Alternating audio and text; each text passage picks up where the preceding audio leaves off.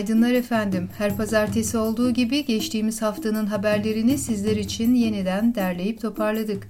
Tabi her haber mühimdir ancak önümüzdeki günlerde etkilerini görmenin muhtemel olduğunu düşündüğümüz haberleri tekrar seslendirdik. Sözü daha fazla uzatmadan haberlerimize başlıyoruz.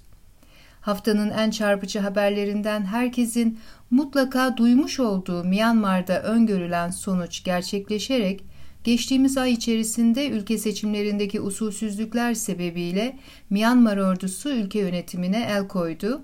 Darbenin gerçekleştirilmesiyle birlikte hükümet lideri gözaltına alınırken ülkenin başkentinde internet ve telefon hatlarının kesildiği bölgeden gelen bilgiler arasında yer alıyor.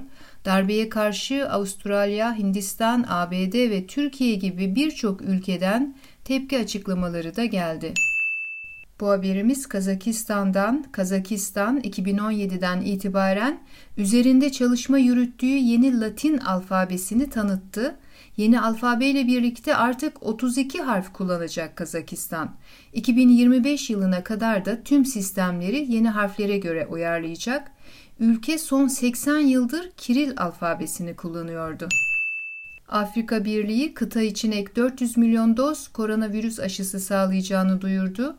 Afrika Birliği'nin hali hazırda ayırdığı ve Dünya Sağlık Örgütü destekli COVAX programı aracılığıyla sunulacak olan dozlarla birlikte Afrika'nın elindeki toplam aşı miktarı 1.27 milyara çıkacak.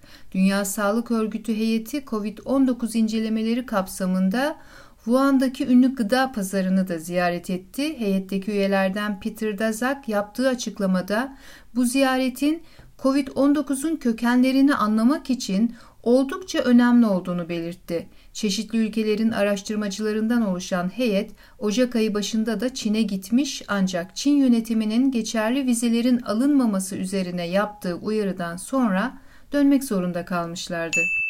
Uluslararası Hava Taşımacılığı Birliği'ne göre 2020'de küresel hava yolculuğu trafiği salgının etkileriyle 2019'a oranla %66 düşerek sektörde büyük bir şok ile tarihindeki en büyük düşüşü yaşadı. Birlik ayrıca 2021'deki toparlanma olasılıklarının COVID-19'un yeni varyantlarının ortaya çıkmasıyla gölgelendiğini de açıkladı. Pandemi nedeniyle 2021 yazına ertelenen ve bir yıl daha ertelenmesi gündeme gelen Tokyo Olimpiyatları ile ilgili açıklama yapan Japon Organizasyon Komitesi Başkanı Mori, Tokyo Olimpiyatlarının salgın ne durumda olursa olsun gerçekleşeceğine dair güvence verdi. Oyuncuların öncekilerden farklı olacağını belirten Başkan Mori, tartışmalar oyunların iptal edilmesine yönelik değil, oyunların nasıl yapılacağına ilişkin olmalı dedi. Google, oyun platformu Stadia'ya özel oyunlar geliştirecek stüdyoları kapatma kararı aldı.